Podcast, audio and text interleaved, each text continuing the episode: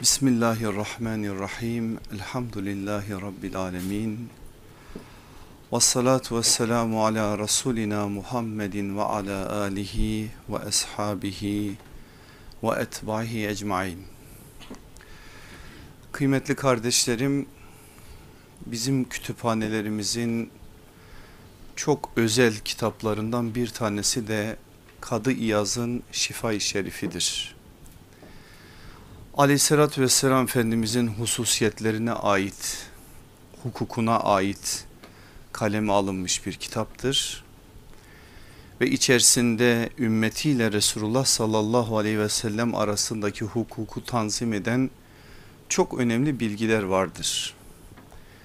Oradan bir cümle aktararak bugünkü dersimize girmek istiyorum. İmam Malik'i tanımayanınız yok Kadı İyaz ondan bir söz aktarıyor. İmam Malik rahmetullahi aleyh diyor ki bu ümmetin evveli ne ile ıslah olduysa ahiri de onlarla ıslah olacaktır. Gerçekten de bize yol gösteren, yöntem öğreten, işin esasını veren bir söz. Bu ümmetin evveli ne ile ıslah olduysa sonra gelenleri de ancak aynı şeyle ıslah olacaklardır. Bu ümmetin evveli kim? Sahabe nesli. Eğer ikinci hayırlı nesil olarak tabi'in neslini de sayarsak onlar da evveli. Ne ile ıslah oldular? Kur'an ve sünnetle. Nasıl ıslah oldular? Peygamber sallallahu aleyhi ve sellemin ellerine kendilerini bir yönüyle teslim ederek. Şimdi önümüzde böyle canlı bir örnek duruyorken bizim kalkıp başka yerlerden dertlerimize derman aramamız gerçekten aciz tüccar işi. Bu kadar büyük bir sermaye var, bu kadar da büyük bir kar var. Bununla uğraşmıyorsun, başka şeylerle uğraşıyorsun. İnşallah biz o aciz tüccarlardan olmayalım. Olmamı adına zaten buradayız. Her cumartesi akşamı ben elimden geldiğince size bu manada bir şeyler aktarmaya çalışıyorum. İnşallah Rabbim son nefesimize kadar bize bu manada güç ve kuvvet versin ve hep gayretimiz, azmimiz, çabamız bu olsun inşallah. Çünkü aleyhissalatü vesselam Efendimiz bize gecesi gündüz kadar aydınlık olan bir yol bıraktı peygamber yolu dediğiniz o yol asla sıkıntısı olmayan bir yol. O yol öyle bir yol ki karanlıklarda yürüdüğünüz zaman bile aydınlıkta yürür gibi yürürsünüz. Eğer gerçekten o yolda yürüyorsanız. İşte biz o yolu tanımaya çalışıyoruz. Sahabe yolu dediğimiz peygamber aleyhissalatü vesselamın mübarek ellerinde yetişen o güzide neslin hayata verdiği o örnekliliği bir yönüyle kavramaya çalışıyoruz. İnşallah sonuna kadar da bunu sağlayacağız. Birbirimize bu manada destek olarak işi götürülebilecek en güzel noktaya kadar vardırmaya çalışacağız. Bugün hizmet bahs ahlakı bahsinin son dersindeyiz. Konumuz itaat ahlakı. İtaatin hem gerekliliğini hem de sınırlarını yine inşallah muhteşem ahlakın bize verdiği temel esaslar ve mesajlar çerçevesinde anlamaya çalışacağız. Öncesinde bir mukaddime yapmamız lazım. Bu konu zor bir konu. Gerçekten şu anda da ümmet olarak itaat meselesi mevzu bahis olduğunda ciddi sıkıntılarımız oluyor. Anlamakta da zorlanıyoruz. Bazı şeyleri konuşmakta da zorlanıyoruz. Bazı şeyler yanlış anlaşılmalara müsait olduğu için biraz daha çerçevesini iyi belirlememiz lazım. Böyle bir zorluğu ben de yaşıyorum. İnşallah hakkını verebilecek bir ders yapmış oluruz bu konuda. Şimdi biz modern bir zamanda yaşıyoruz. İster kabul edelim ister etmeyelim batının telkinleri bizim hayatımızı kuşatmış bir vaziyette. Hayat algımız tam anlamıyla sünneti Muhammed'e uygun değil. Öyle olduğu için de bazı yerlerde zorlanıyoruz belli meseleleri anlamakta. Mesele özellikle itaat meselesi oldu mu bu biraz daha ortaya çıkıyor. Ancak burada suçu hep batıya ya da dışarıya kesip kendimizi bu manada sorguya çekmezsek de haksızlık yaparız.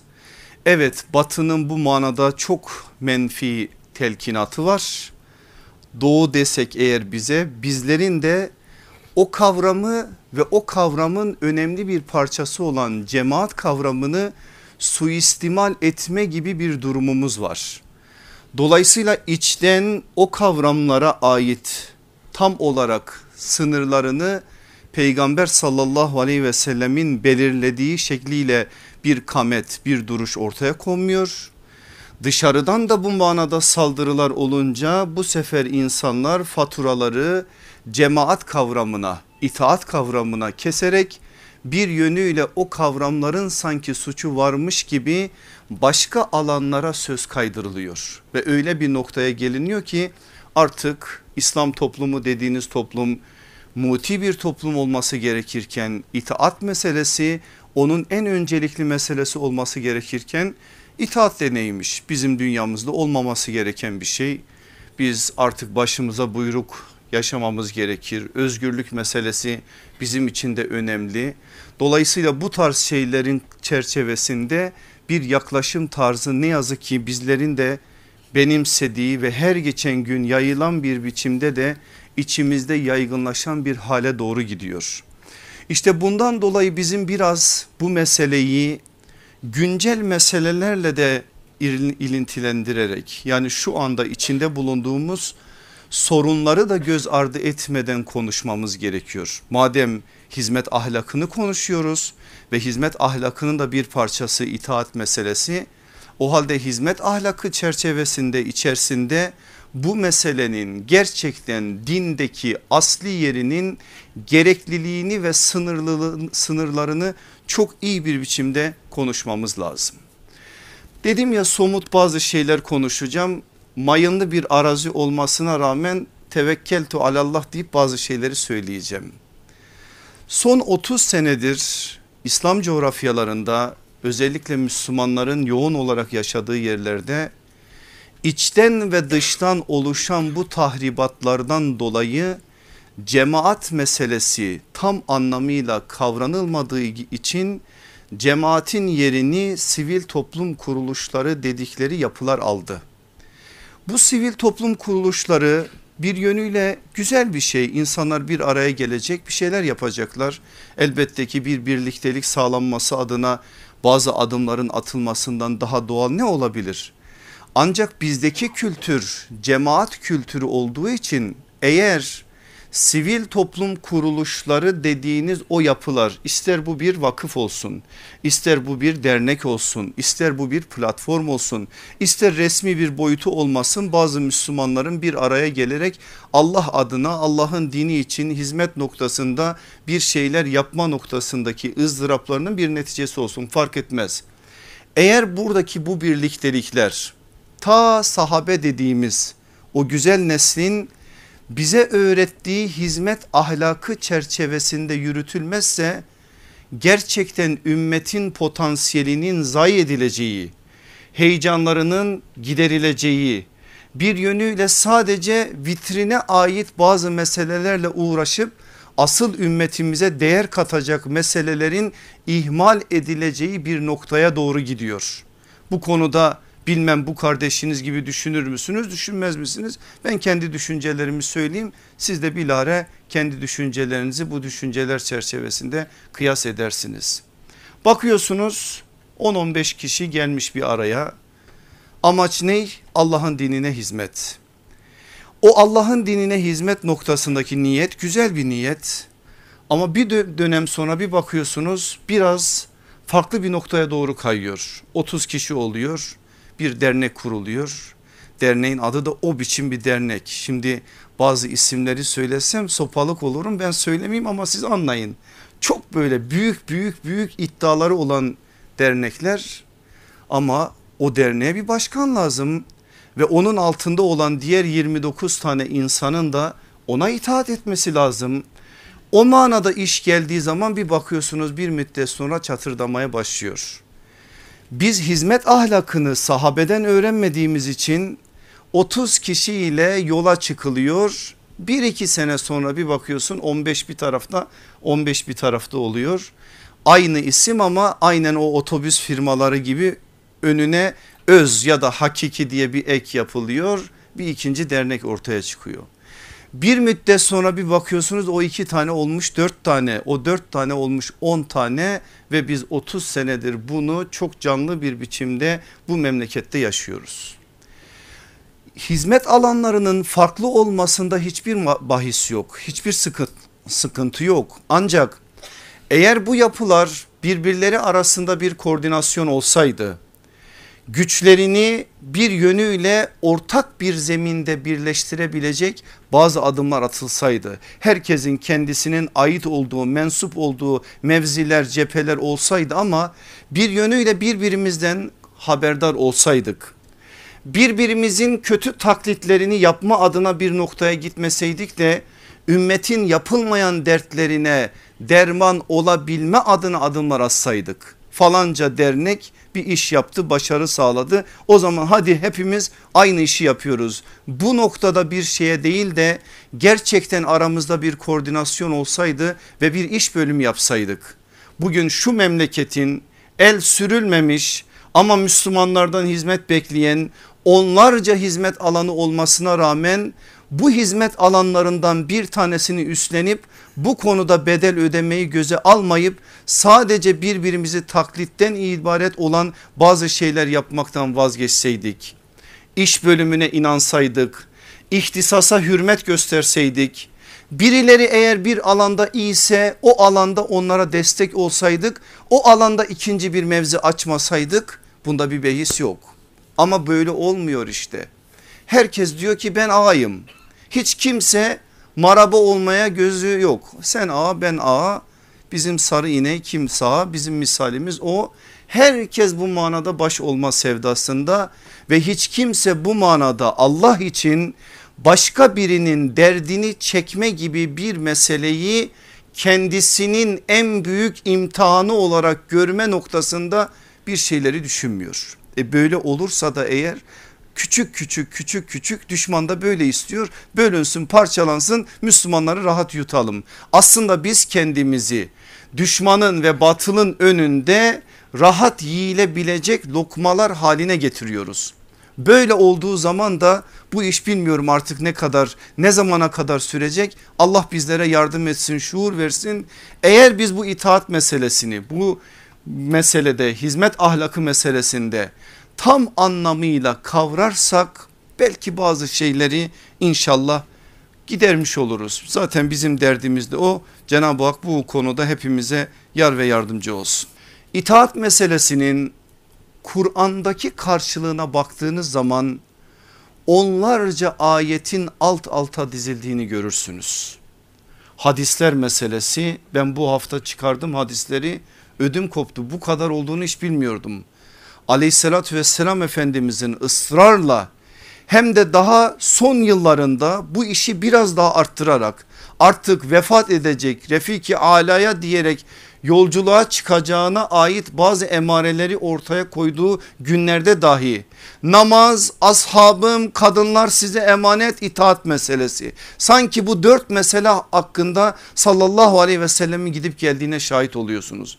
Öncesinde yaptıklarını da hatırladığınız zaman ne kadar peygamber dünyasında bu işin yer tuttuğunu daha iyi anlamış oluyorsunuz.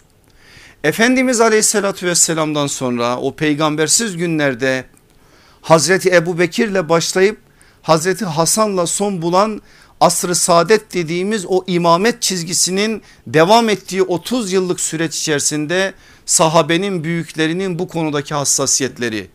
Sonra uzun ömürlü olup yaşayıp Şam'a, Kufe'ye, Azerbaycan'a, Ermenistan'a, Anadolu'ya gelen sahabi efendilerimizin ortaya çıkan çeşitli sebeplere bağlı olarak bu meseleyi ısrarla gündeme getirmeleri İslam cemaatinin temel meselelerinden bir tanesinin itaat meselesi olduğunu bize öğretiyor. Ben hepsini size verecek değilim ama birer tane örnek vereceğim. Hemen Nisa suresinin 59. ayeti aklınıza gelecek. Allah'a Resulüne ve sizden olan ulul emre itaat edin. Çok net açıkça bir şey. Onun dışında başka ayetlerde var. Ayet devamda diyor ki eğer bir anlaşmazlığa düşerseniz Müslüman olduğunuz diye anlaşmazlığa düşecek, düşmeyeceksiniz diye bir şey yok. İhtilaf ahlakını hatırlayın o ihtilaf ahlakı derslerimizi hatırlayın bunu anlayacaksınız. İhtilaf edeceğiz insan olmamızın bir gereğidir ama ihtilaf ederseniz önünüzdeki şey belli Allah'a ve ahirete gerçekten inanıyorsanız o ihtilaf ettiğiniz meseleyi Allah'a ve Resulüne götürün. Onların verdiği talimatlar çerçevesinde de işlerinizi halledin. Böyle yapmanız hem hayırlı hem netice bakımından daha güzeldir.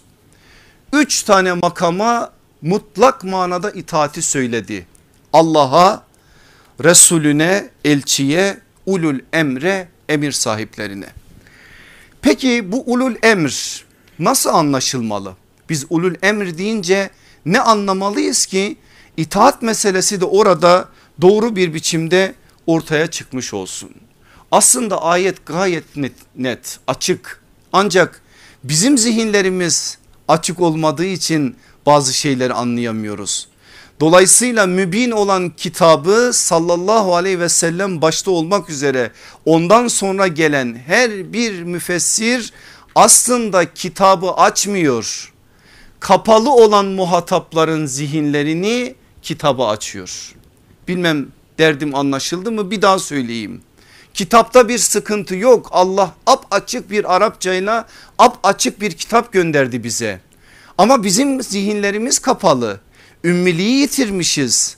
Saflaşmamışız. Saf ve duru değiliz. Kafalarımızda, zihinlerimizde, yüreklerimizde bir sürü iş var. Mesela şimdi ulul emri bile konuşuyorum. Şu anda bu memlekette çok sert bir biçimde esen bir siyaset rüzgarı var. Kim bilir kafanızda belki de bunlar şekilleniyor. Koparamıyorsunuz kendinizi gündemden. O anki gündem ne ise siz o gündeme bağlı olarak bazı şeyleri değerlendiriyorsunuz. İnsanız hepimiz böyleyiz.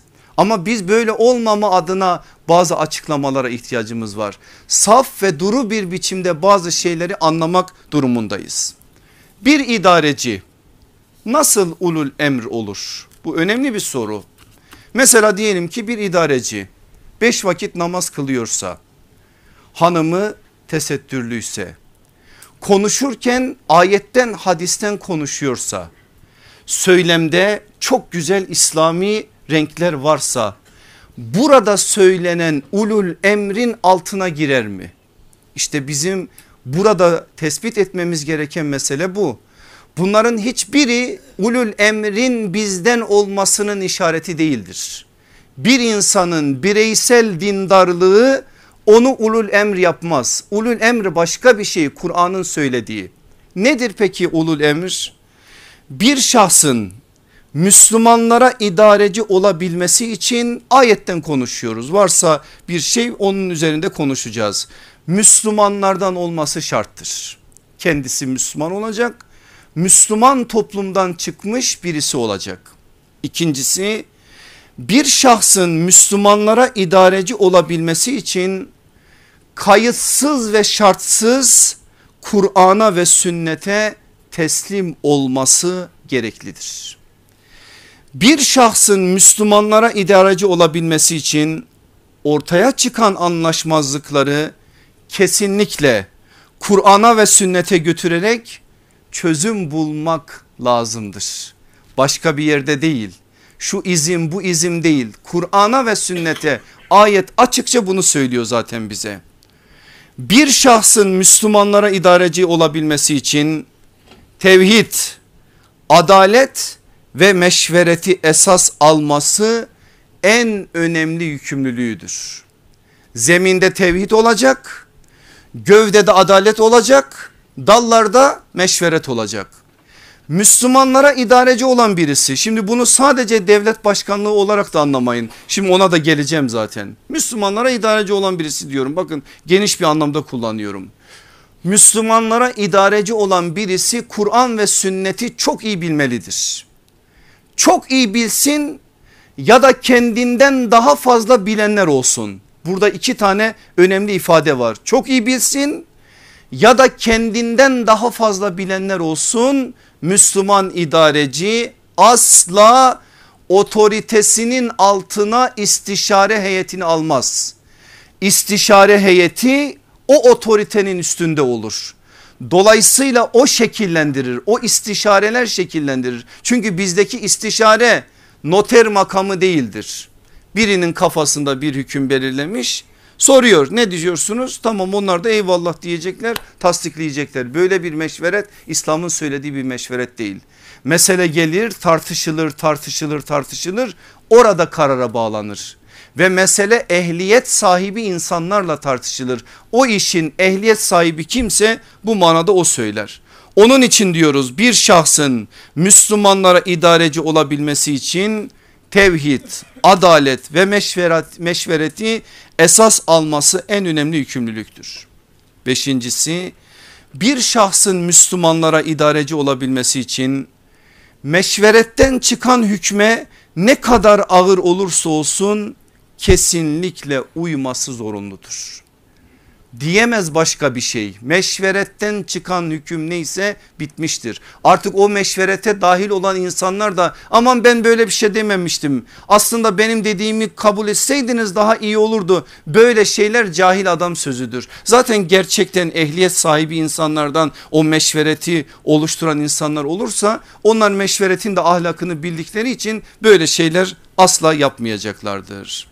Şimdi benim aziz kardeşlerim bunlar meşveret meselesiyle adalet meselesiyle tevhid meselesiyle Müslüman bir idarecide olması gereken en önemli hususlar. Biz ulul emr dediğimiz zaman işte ayetin bize verdiği bu mesajlar çerçevesinde bu beş tane önemli ilkeyi hayatında doğrultmuş insana Müslüman idareci diyoruz ve onlara da itaat meselesinde mükellefiyetimizi konuşuyoruz. Peki gelelim işin bir, bir, bir diğer boyutuna. Ulul emr burada sadece devlet başkanı mıdır? Ayetin söylediği de öyle midir yoksa ayet bize başka bir şey mi söylüyor? Ben uzun uzun izahlara girecek değilim çünkü vaktimiz ona yetmez. Ama ne olur şu Nisa suresinin 59. ayetinin tefsirini bir İmam Kurtubi'nin tefsirinden bir de merhum Elmalı'nın tefsirinden bir okuyun. Okuyun da ulul emr deyince kimler giriyormuş o işin içerisine bir anlayalım. Ben sadece onlardan ve birkaç tefsirden yola çıkarak bunun sadece şeylerini vereceğim size. Kimdir ulul emr? Ulul emr raşit halifelerdir. Yani Müslümanlardan biat alan devlet başkanlarıdır. Bu bilinen en fazla da zihnimizde olan şey. İkincisi ulul emr devlet başkanının görevlendirdiği ordu komutanı, valiler ve diğer tüm idarecilerdir. Üçüncüsü ulul emr şerri hükümler konusunda fetva veren müştehitler ve çeşitli konularda kendilerinden görüş alınan alimlerdir. Üç maddede açık mı? Açık. Son üçüncü maddeye bir daha götürmem lazım sizi. Eğer Müslümanlar bir devlete sahiplerse ilk iki madde burada önemli. Eğer devlet yoksa Müslümanların İslam devleti diyebilecekleri bir devletleri yoksa bu üçüncü madde çok daha önemli. Çünkü devlet olmadığı yerde müştehitler, fakihler, alimler ulul emr makamındadır. O insanların verdikleri fetvalar, verdikleri bu manadaki yaptıkları iştihatlar Müslümanları bağlar ve onlara itaat etmek durumundadırlar. Bunun Kur'ani anlamda bir delili de var. Onu da ne olur gittiğiniz zaman bakın. Nisa suresinin 83. ayeti ulul emrin alimler olduğunu söyler zaten bize. Çok önemli bir Kur'ani delildir bu bizim için ve ulul emri anlamamız açısından da bize ipuçları verir. Dördüncüsü ulul emr meşru ve hayırlı işlerin yapıldığı yerlerde idareci ve rehber olan öncüler ve imamlardır. Bunu bir daha tekrar ediyorum. Ulul emr meşru ve hayırlı işlerin yapıldığı yerlerde idareci ve rehber olan öncüler ve imamlardır. Şimdi bu son maddeye kimler girer? Baba bir evin ulul emridir. Bazıları kıssa da renkleri değişse de bu böyledir. Koca bir evin ulul emridir. İmam bir mescidin bir caminin ulul emridir. Vakıfta bir müdür oranın ulul emridir. Dernekte bir başkan oranın ulul emridir. Bir kulüpte rehber oranın ulul emridir ile ahir uzatın yani. Dolayısıyla eğer iş yapılan iş hayırlı bir işse salih bir amelse o işin başında olan insan da o işte beraberce yürüdüğü insanlar için emir sahibidir. Bu emir sahipliği meselesini biz böyle anladığımız zaman o cemaat ruhunu ve hizmet ahlakı meselesinde de bize yüklenen mükellefiyeti biraz daha doğru bir biçimde anlayabiliriz.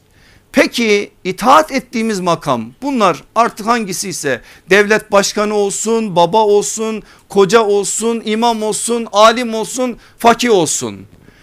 Astığım astık kestiğim kestik gibi bir diktatörlük kurup da bizden öyle mi bir itaat alır? İslam bunu mu söyler bize? Asla. Biz şimdiye kadar konuştuklarımız işin gerekliliği. Gelelim işin sınırlarına sınırlarını da konuşmamız lazım. Çünkü işin ehemmiyetini bize öğreten sallallahu aleyhi ve sellem Efendimiz işin sınırını da bize öğretiyor. Sınırı meselesinde size bir örnek vereyim ki mesele daha iyi anlaşılsın. Hazreti Ali anlatıyor başka sahabi efendilerimiz de biraz naklediyorlar aynı rivayeti. Allah Resulü aleyhissalatü vesselam ensardan oluşan bir müfreze oluşturuyor. Başlarına da Abdullah İbni Hüzafe Es-Sehmi'yi lider olarak imam olarak atıyor. Müfrezeyi o askeri birliği göndereceği yere gönderirken de şunu söylüyor. Sizin imamınız Abdullah İbni Hüzafe'dir. Ona itaat edeceksiniz. Onun sözünden çıkmayacaksınız. O size ne derse onları yerine getireceksiniz. Hazreti Ali olay aktarırken biraz bize başka anlatır. Başka kaynaklarda da olay biraz daha farklı anlatılır. Ben bu iki rivayeti birleştirerek şimdi size bir şey anlatacağım. Abdullah İbni Hüzafe radıyallahu an Allah kendisine ebeden razı olsun. Çok büyük bir sahabidir. Çok farklı bir isimdir. Biraz şakacı birisidir. Bir ateş yaktırıyor Diyor ki ben bir arkadaşlarımı test edeyim. Ateş böyle alevleri yükselince semaya doğru ben sizin imamımınız mıyım diyor. Oradakiler diyor ki evet imamısın. O halde diyor şimdi size bir şey isteyeceğim itaat edeceksiniz değil mi? Tabii ki edeceğiz diyorlar. Allah Resulü aleyhissalatü vesselam itaat etme noktasında bize söyledi. Artık bizim yapacak bir şeyimiz yok. Hadi bakalım atlayın ateşe diyor sahabe dona kalıyor. Yapalım mı yapmayalım mı? Bir miktarı yapmayı bile düşünüyor. Allah Resulü aleyhissalatü vesselam itaat edin dedi. Sallallahu aleyhi ve sellem Efendimiz bir şey diyecek sahabe onu yapmayacak böyle bir şey mümkün değil. Hatırlayın Bedir gününün öncesinde sahabe ile Efendimiz yaptığı konuşmayı Hazreti Ebu Bekir konuşuyor Hazreti Ömer konuşuyor Miktat İbni Amr konuşuyor en son Sa'd bin Muaz konuşuyor ve diyor ki ya Resulallah şöyle elinle işaret etsen ve desen ki dalın şu denize vallahi bir tanemiz geri kalmadan o denize dalı veririz. Sahabe dediğiniz nesil Allah Resulüne böyle itaat ediyor. E şimdi Efendimizin atadığı bir imam var ve bu imam da ateşe atlayın diyor. Sahabe de o anda ne yapalım atlayalım mı atlamayalım mı diye kendi içlerinde götürüp getiriyorlar. O anda atlamaktan vazgeçiyorlar. Aleyhissalatü vesselam Efendimiz'e olay gelip anlatılıyor. Efendimiz aleyhissalatü vesselam bakın ne diyor. Eğer o ateşe girseydiniz kıyamete kadar o halde kalırdınız. Bu ne demek biliyor musunuz? Ebediyen cehennemlik olurdunuz. İtaat ama nasıl bir itaat? Sınırını koyuyor sallallahu aleyhi ve sellem. Ve arkasından Efendimizin söylediği cümle şudur. Allah'a isyan olan yerde kula itaat yoktur. İtaat ancak meşru olanda gerekir. Bir daha tekrar ediyorum bu cümleyi. Allah'a isyan olan yerde kula itaat yoktur.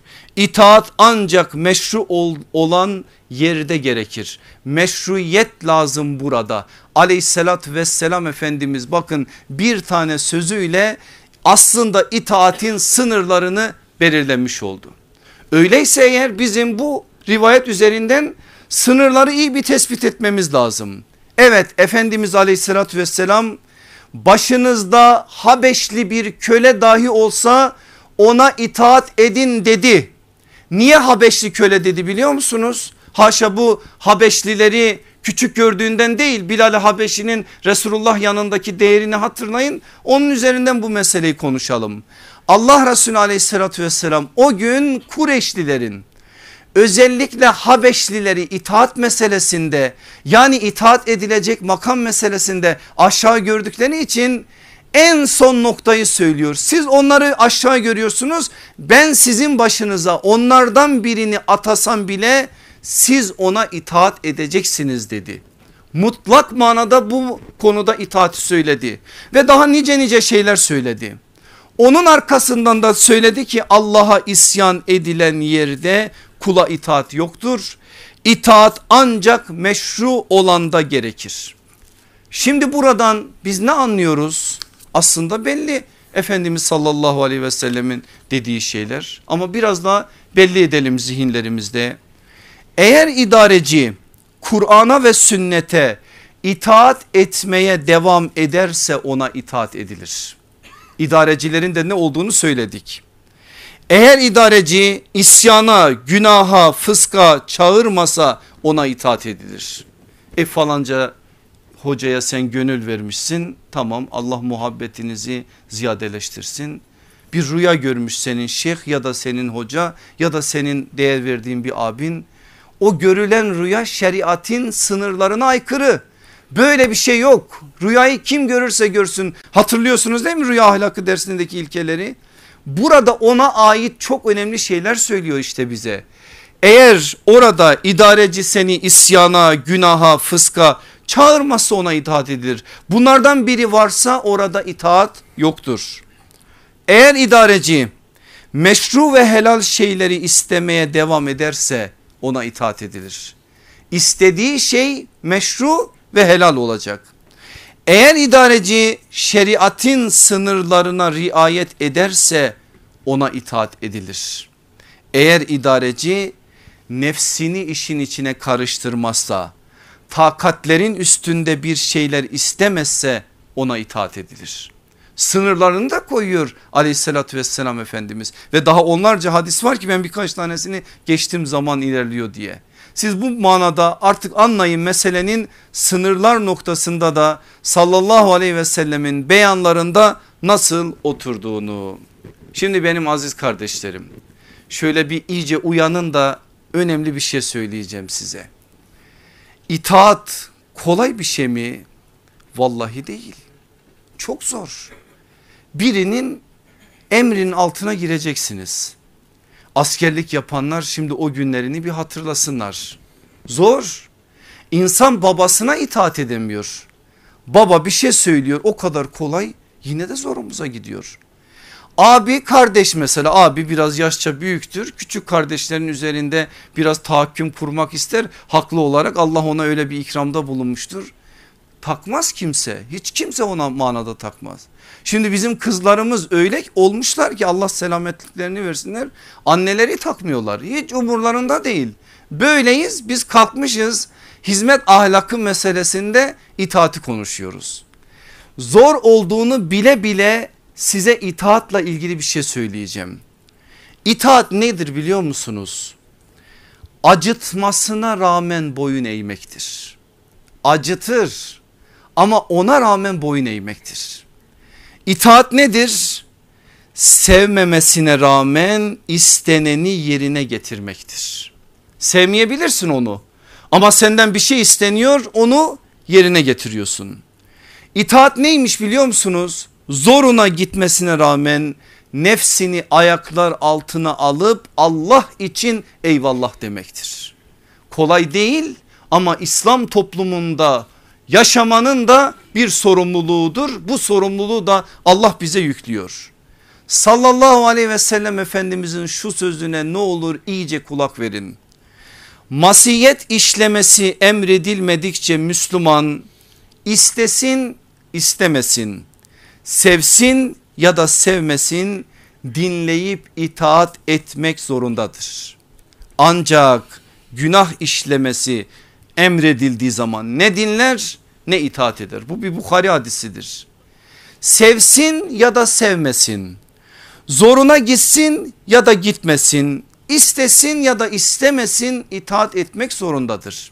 Çünkü İslam toplumunun düzgün bir biçimde nizami bir halde aynen namazlarda olduğu gibi o saf düzeninin hayata yayılabilmesi için bir adım önümüzde bir imamın olması arkasında da o nizami bir halde cemaatin olması gerekir.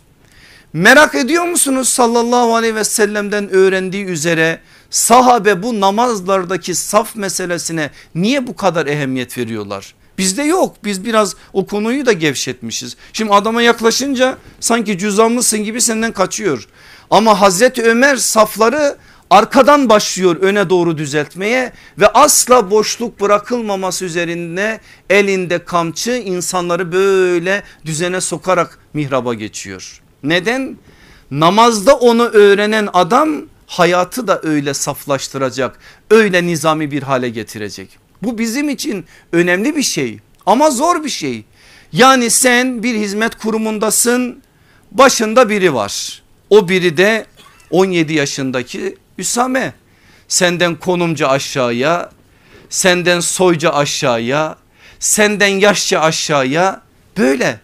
Ama sen Hazreti Üsame'yi dinleyince kendinden geçtin. Vah Üsame dedin ah Üsame dedin ne güzel dedin sahabe ne güzel biat etmiş dedin ne güzel emre ittiba etmiş dedin. Dedin bunların hepsini söyledin ama dışarıya çıktığın zaman Üsame'nin rolünü oynama adına bir adım atmadın.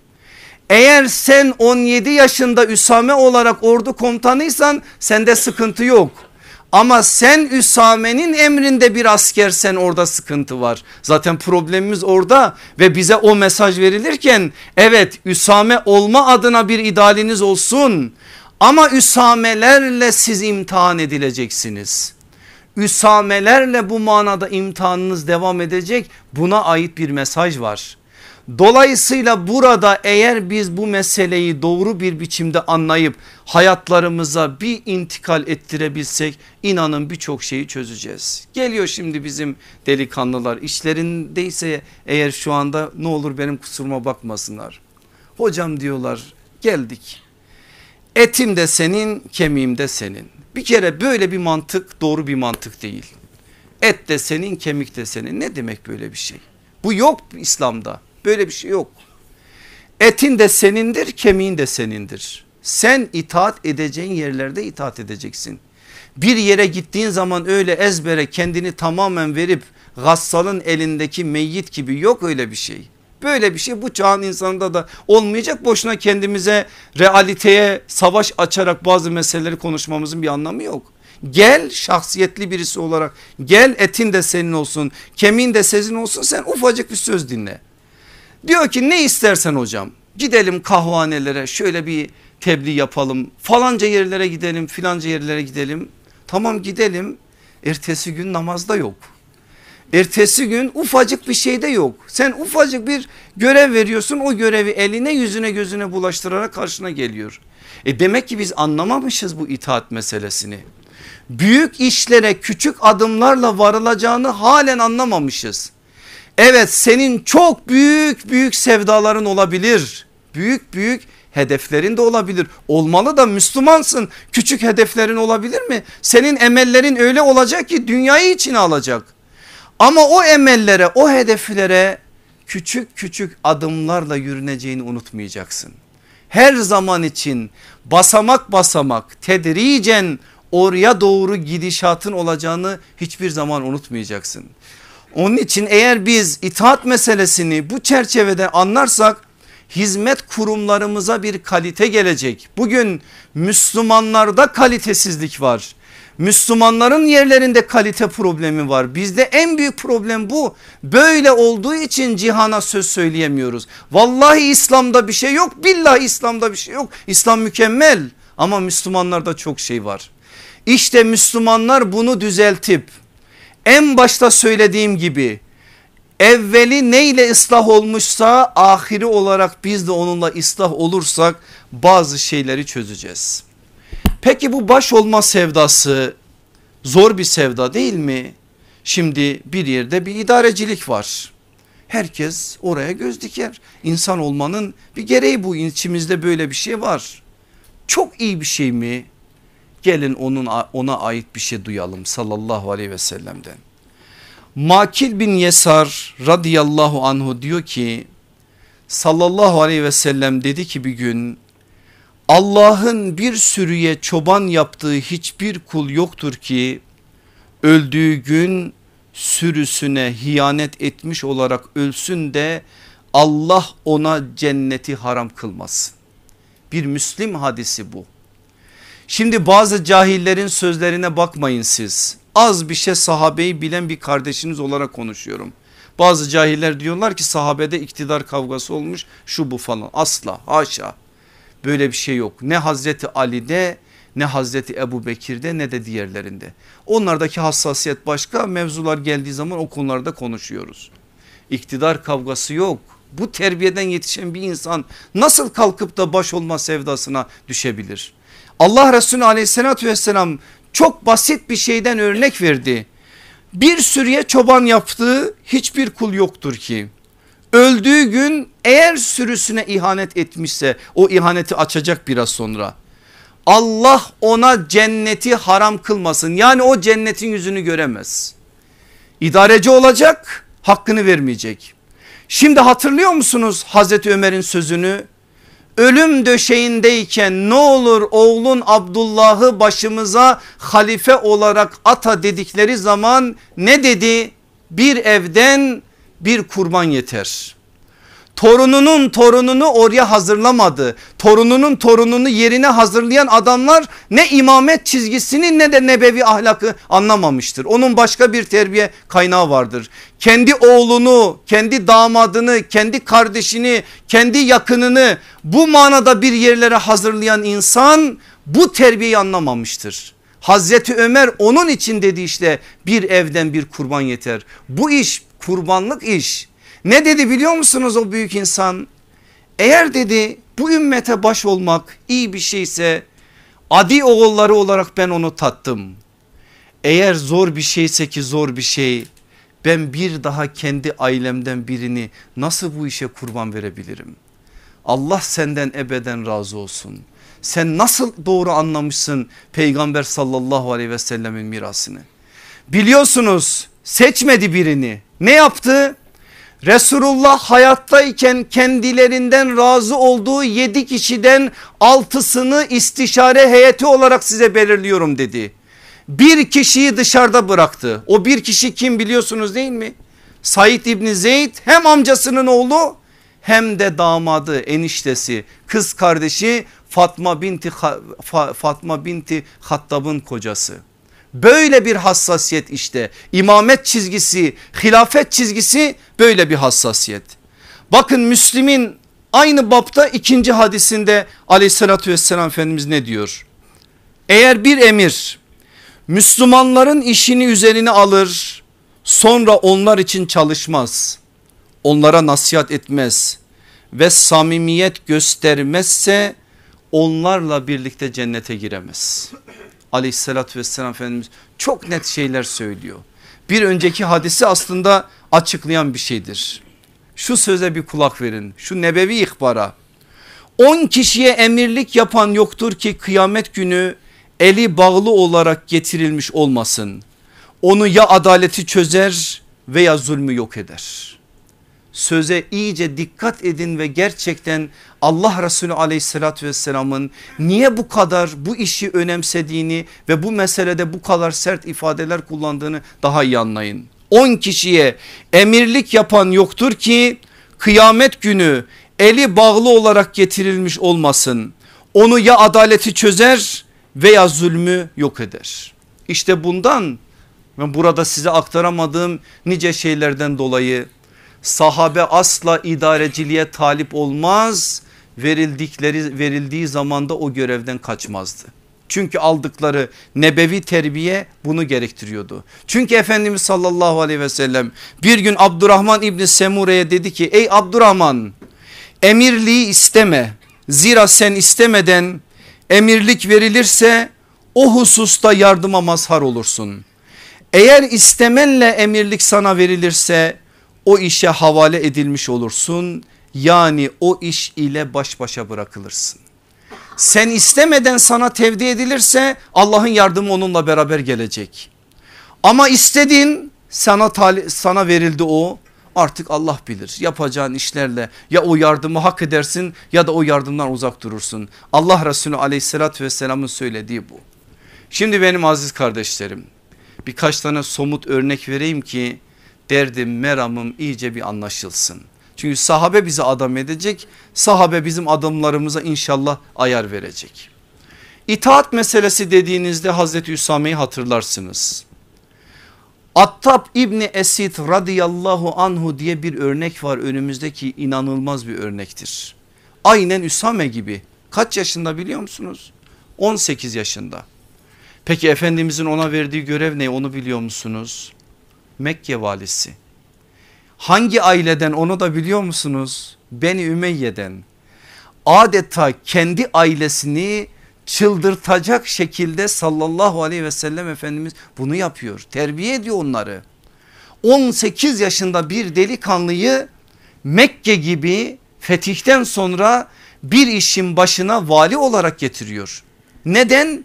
İtaat meselesini sahabe çok iyi bir şekilde öğrensin.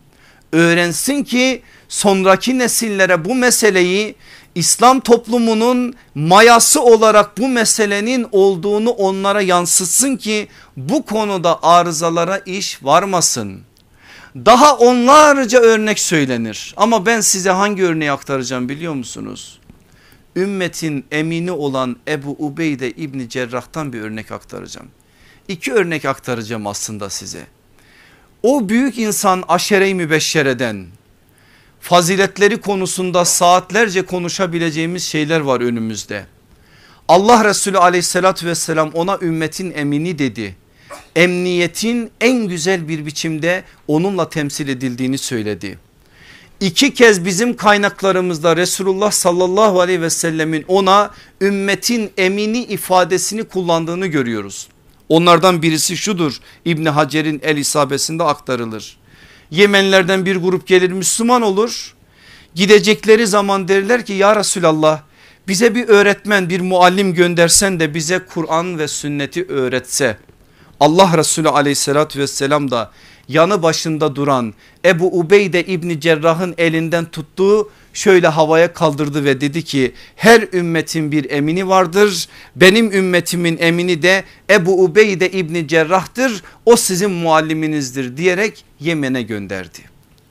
Bir diğer rivayet çok daha güzel ve gerek gerçekten mesajları içerisinde aktaran bir rivayettir. Hazreti Ömer bize o olayı aktarır.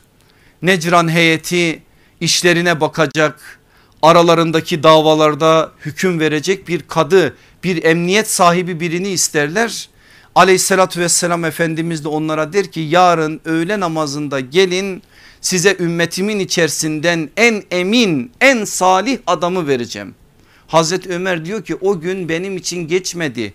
Acaba kim? Aslında Efendimiz sallallahu aleyhi ve sellem bir müddet önce Ebu Ubeyde İbni Cerrah'a dedi bunu ama o gün söylemeyip bu manada bir şey söyleyince acaba ben olur muyum diye de içimden geçirdim. Hatta Hazreti Ömer şunu da söylüyor hiç o gün istediğim kadar başka bir gün emirliği istemedim.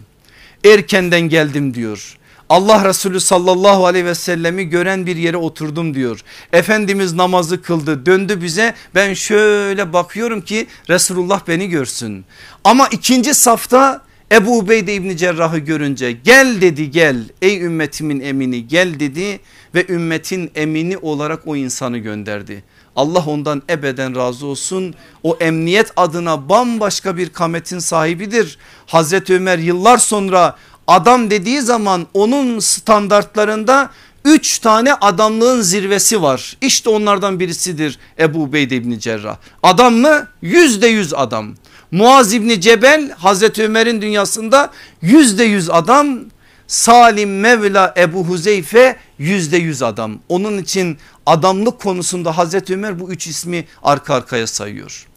Şimdi hicretin 8. yılında aleyhissalatü vesselam Efendimiz 200 kişilik bir askeri birliği Zatus Selasil denilen mıntıkaya Şam'da Vadil Kura'ya yakın bir bölge oraya göndermek istiyor. Ebu Ubeyde İbni Cerrah'ı ordunun komutanı olarak atıyor. Hazreti Ebu Bekir'i ve Hazreti Ömer'i de onun emrinin altına asker olarak koyuyor. Hazreti Ebu Bekir bakın nasıl Müslümanların halifesi olmuş. Öyle gün başından itibaren Müslümanların önünde idareci olan birisi değil. Aleyhissalatü vesselam Efendimiz işin bidayetinde onu da bu manada terbiye etmiştir. 8. yılında Ebu Ubeyde İbni Cerrah ordu komutanı Hazreti Ebu Bekir Hazreti Ömer onun komutasında sıradan askerler. Daha önce de Efendimiz sallallahu aleyhi ve sellem aynı mıntıkaya Amr İbni As'ı göndermiş. Onlara demiş ki oraya vardığınız zaman Amr İbni As'ın ihtiyacı varsa takviye bir birlik olarak da ona kavuşun. Ancak sallallahu aleyhi ve sellem Efendimiz giderken Ebu Ubeyde İbni Cerrah'a diyor ki ey Ebu Ubeyde komutan sensin. Ama Amr İbni As'ın yanına vardığında biliyor sallallahu aleyhi ve sellem adamlarını tanımaz mı? Sakın onunla ihtilafa düşme uyarıyı alıyor yola çıkıyor. Varıyorlar Amr İbn As radıyallahu anh'ın bulunduğu mıntıkaya. Diyor Ebu Ubeyde İbni Cerrah sallallahu aleyhi ve sellem Efendimiz beni ordunun komutanı olarak atadı ve bana böyle böyle şeyler söyledi. Amr İbn As diyor ki ben kabul etmem Resulullah beni komutan olarak gönderdi. Sen sonradan geldin bana tabi olacaksın. O 200 kişi içerisindeki sahabinin bazıları ki onlardan en baştaki isim Hazreti Ömer'dir. Israrla Amr İbn As'ın o manadaki talebinin haksız olduğunu söylüyor. Ve Ebu Ubeyde İbni Cerrah'a diyor ki hayır diyor hakkını al ondan komutan sensin biz sana itaat edeceğiz. Ebu Ubeyde İbni Cerrah dönüp Hazreti Ömer'e diyor ki sen duymadın mı sallallahu aleyhi ve sellem bize ne dedi? Gidin komutan sensin dedi. Ama Amr İbni As bu manada bir şeyler söylerse ihtilafa düşme dedi. Ben hakkım olan bu komutanlıktan vazgeçiyorum. Feragat ediyorum ve Amr İbni As'ın komutasında sıradan bir asker olarak görevimi yerine getirme adına onun emrinin altına giriyorum dedi. Sahabilerden bazıları bunu istememesine rağmen Ebu Ubeyde İbni Cerrah böyle yapınca geri kalan o 200 kişi de Amr İbni As'ın komutası altına girdi ve sefer öylece devam etti. Böylece dönüp geldiler. Aleyhissalatü vesselam Efendimiz'e hadisi anlatılıyor. Zannediyorlar ki sallallahu aleyhi ve sellem Efendimiz başka şeyler söyleyecek. Ne diyor biliyor musunuz Efendimiz? Ellerini açıyor Allah sana rahmet eylesin ey Ebu Ubeyde. Allah sana rahmet eylesin ey Ebu Ubeyde diye dua ediyor. Efendimiz bundan memnun oluyor. İtaat meselesinin bazen böyle bir meseleyi de gerektirebileceğine dair bir ölçüyü bizim önümüze koyuyor. Hatırlar mısınız bilmem, bilmem ama çok altını çizerek söyledim size şimdi söylediğimde aklınıza gelecektir muhakkak. Vahdet meselesini burada konuştuğumuz zaman bir cümle kullandık. Vahdet bazen yüzde yüz hakkın olan bir meseleden bile feragat etmektir. Eğer vahdetse ümmetin vahdeti mesele oysa hakkın olandan bile bazen feragat edeceksin ki bu ümmet o özlediği günlere kavuşmuş olsun. İşte Ebu Ubeyde İbni Cerrah'ın yaptığı bu. Gelin Yermuk'a acayip bir dönem acayip bir savaş acayip bir ortam tam o anlarda Hazreti Ebu Bekir vefat ediyor yerine Hazreti Ömer'i atıyor. Ordu komutanı Halid bin Velid'dir. Hazreti Ömer bakıyor ki Halid bin Velid'e olan teveccüh farklı bir noktaya doğru kayıyor. Ne olur bu sözlere dikkat edin. Bakın yol gösteriyor sahabe bize. Şunu konuşmaya başlıyor insanlar. Halit varsa eğer zafer var. Halid'in olduğu savaşlarda Allah bize zafer verir. Eğer Halit yoksa mağlubiyet olur. Onun için Halit olmalı. Halit hep o önde olmalı. Bizim komutanımız olmalı. İnsanlar Allah'tan bekleyecekleri zaferi Halid'e bağlamaya başlıyorlar. Ömer radıyallahu an gerçek bir devlet başkanıdır. Anında bir mektup yazıyor. Halit diyor mektup sana ulaştığı zaman anında ordu komutanlığını Ebu Ubeyde İbni Cerrah'a bırakacaksın. Onun emrinde sıradan bir asker olacaksın. Taberi'nin rivayetinde mektup e- Ebu Ubeyde İbni Cerrah'a yazılmıştır. Tavırlar aynı olduğu için fark etmez. Mektup ulaşıyor Halit İbni Velid'e. Mektupta yazıyor Ebu Bekir vefat etmiş Ömer halife olmuş ve ordu komutanlığı değişecek. Savaş anında böyle bir şey. Halit diyor ki şu anda açıklarsam bunu ordu zafiyete uğrar. En iyisi mektup kalsın benim için yanımda. Savaş bir cereyan etsin bakalım nasıl olacak ondan sonra ben artık yapacağımı yaparım kahramanca savaşıyor. Halid'in destan yazdığı bir savaştır Yermuk. Müslümanların galip geldiği bir savaştır. Anadolu'nun kapılarının Şam'ın topraklarının İslam'a açıldığı savaştır. O savaş sonrasında Heraklius elveda Suriye ebediyen elveda demiştir. Ama eğer bugün Suriye'de Herakliuslar varsa Ebu Ubeyde'lerin olmadığındandır. Onu da hiçbir zaman unutmayalım. O gün orada o sözü söyleyerek gitti Heraklius. Savaş Müslümanların lehine neticelenince çıkarıyor mektubu gidiyor Ebu Ubeyde İbni Cerrah'ın yanına veriyor mektubu ona hakkını helal et diyor. Savaş başlarken mektup bana ulaştı. İstemedim o anda açmayı eğer açsaydım başka arızalar olacaktı. Onun için gizledim ne olur hakkını helal et ama bu andan sonra komutan sensin asker de benim diyor. Ebu Ubeyde İbni Cerrah sarılıyor. Vallahi mektup bana da ulaşsaydı ben de aynısını yapardım diyerek Halid'i orada takdir ediyor. Zor bir şey Halid'in yaptığı kolay bir şey değil bu. Ordu komutanı olacaksın ve destan üzerine destan yazacaksın. Adın düşmanda duyulduğu zaman savaşın neticesi bile değişecek. Böyle bir ortamda azledileceksin. Geliyorlar Yermuk'un arkasından. Oturmuşlar bir yerde Müslümanlar konuşuyorlar. Birisi imalı imalı Halid İbni Velid'e şu soruyu soruyor. Niye Ömer seni azletti diyor. Halid de bir şey demiyor ama böyle üstün körü bir şeyler sanki cümlelerinin içerisinde var gibi. O anda adını bilmediğimiz bir yiğit kılıcını çekiyor ve Halid İbni Velid'e şunu söylüyor. Ey kumandan diyor eğer sen halifemiz olan Ömer'in yaptığı bu işten rahatsızlık duyarsan ve o söze karşı bir şey söylersen vallahi bu kılıcımı boynunda görürsün. Eğer Ömer bizden bir şey istediyse bizim yapmamız gereken mutlak manada itaattir. Adamlar bunlar gerçek adamlar bunlar yiğit oğlu yiğitler bunlar. Ve bu sözü duyunca Halit diyor ki hayır diyor ben bir şey söylemedim. Sadece o andaki duygumu söyledim. Elbette ki ben Ömer'e bu manada itaat edeceğim. İki sene Halit İbni Velid cepheden cepheye sıradan bir asker olarak koşacak. İki sene sonra Medine'de Hazreti Ömer'in karşısına geldiği zaman Hazreti Ömer sarılacak yanı başına oturtturacak ve şu sözü söyleyecek. Halit diyecek Vallahi senin bir olumsuzluğunu duyduğumdan dolayı seni azletmedim. Ama baktım ki insanlar sana olağanüstü şeyler yüklüyorlar. Sen de ben de çok iyi biliyoruz ki bize zaferi veren Allah'tır. Allah'tan başka bize zafer veren yoktur. Zafer şahıslara bağlanamaz. Sen olmasaydın olmazdı. Eğer ben olmasam iş yıkılır. Bu cahil adam sözüdür. Allah bize bunu bahşeder. Ben insanların bu manadaki düşüncelerinde sarsılma görünce seni azlettim. Sarılıp orada bu manada birbirlerine karşı muhabbetlerini ortaya koyacaklar. İtaat mi dediniz işte öğreneceğiniz yer orası.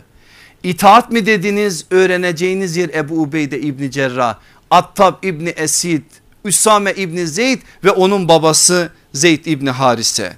Şimdi benim aziz kardeşlerim konu mühim olduğu için söz uzuyor ama ben kısadan size bir şey verip sözlerimi toplamak istiyorum. İtaat ahlakı meselesinde unutmamamız gereken 8 tane önemli kavram var. Çok mühim ve altının doldurulması gereken kavramlar bunlar. Hızlıdan okuyorum. Marifet olmadan muhabbet olmaz. Muhabbet olmadan mensubiyet olmaz. Mensubiyet olmadan mesuliyet olmaz. Mesuliyet olmadan meşveret olmaz. Meşveret olmadan mazhariyet olmaz. Mazhariyet olmadan mahcubiyet olmaz. Mahcubiyet olmadan muvaffakiyet olmaz. Muvaffakiyet olmadan medeniyet olmaz. Bunların hepsi itaat ahlakıyla alakalıdır. Biraz birer cümle sadece söyleyip geçeceğim. Marifet olmadan muhabbet olmaz. Belli değil mi? Önce seveceksin. O sevgin içinde bir marifet bilgisine ihtiyaç var. İşi bilmeden sevme de olmaz. Çünkü muhabbetle marifet birbirinden ayrılmaz iki unsur. Muhabbet olmadan mensubiyet olmaz. Bir yerlere mensup olabilmeniz için sevmeniz lazım. Sevgi adına bir şey yoksa orada siz mensup olamazsınız. Mensubiyetin kaynağı bu manada muhabbettir. Mensubiyet olmadan mesuliyet olmaz. Bugün mensup olamadığımız için mesuliyet olmuyor. Mensup değiliz dışarıdayız istiyoruz ki bize iş yüklensin böyle bir şey yok. Geleceksin terleyeceksin bedel ödeyecek, ödeyeceksin seveceksin onun üzerinden sana bir mesuliyet yüklenecek ve sen eğer gerçekten mensupsan mesuliyet alacaksın. Gidip diyeceksin arkadaş bakın ben buradayım ama ben, ben bu manada bu yapıyı da seviyorum burada hizmet etmek istiyorum. Bana bir şey verin bir şey yükleyin diyeceksin demek zorundasın. Eğer gerçekten muhabbet varsa bu manada mensubiyet varsa o mesuliyette gelecek. Bakın önemli bir şey söylüyoruz. Mesuliyet olmadan meşveret olmaz. Sokaktaki adamla meşveret yapılmaz. Bedel ödeyen adamla meşveret yapılır. Sen bir kere bir şeyler yapacaksın ki meşvereti de hak edesin. Bu manada bazı şeyleri ortaya koymayınca meşveretten, şuradan, istişareden bahsedilmez. Meşveret olmadan mazhariyet olmaz. Mazhariyet nedir? Şereflenmedir, ilahi ikrama muhatap olmaktır. Meşveret olacak ki Allah o yapıya, o hizmet kurumuna, o cemaate bir yönüyle ilahi bir ikramda bulunsun. Bu meşveretle olacak bir şey. Meşveret demek şahsi manevi oluşturmak demektir. Meşveret demek işte o cemaat ruhunun gerçekten hayata yansıması demektir. Mazhariyet olmadan mahcubiyet olmaz. Bu ne demek biliyor musunuz? Allah verdi mazhar etti sana bir şeyler. Mahcup olacaksın, utanacaksın. Allah'tan bile utanacaksın. Allah'ım diyeceksin ben üç kuruluşluk adamım. Sen nasıl bana böyle bir şerefi layık gördün? Vallahi ben bu yapının şu urasındaki adam değilim ama adamsızlıktan sen beni layık gördün ne olur ayaklarımı kaydırma ne olur yüreğimi kaydırma diye her zaman için hem Allah'tan hem Allah'ın kullarından utanacaksın. Mahcubiyet olmalı bu manada mazhariyetin arkasından mahcubiyet gelmeli. Mahcubiyet olmalı ki muvaffakiyet olsun. Onun için mahcubiyet olmadan muvaffakiyet olmaz muvaffakiyet olmadan da medeniyet olmaz. İslam medeniyetinin yeniden dirilmesini istiyorsanız ki ben hepinizin benden daha fazla hatta kat kat benden daha fazla dertli olduğunuzu biliyorum. Yapmamız gereken bu. Aidiyet adına bazı şeyleri iyice sorgulamalı ve bu itaat meselesinin hem gerekliliğini hem sınırlarını Hazreti Peygamber'in ve sahabenin rehberliğinde yeniden öğrenmeli. Onların bize söylediği çerçevede de hayatlarımızı tanzim etmeliyiz. Cenab-ı Hak hepimizi buna muvaffak kılsın. Küçüklüğümüze rağmen ellerimizi bırakmasın. Bu konuda bize yakışan İmanlarımızın bizden istediği sorumluluk neyse onu hakkıyla yerine getirmeyi bizlere sevdirsin ve kolaylaştırsın. Velhamdülillahi Rabbil Alemin. El Fatiha.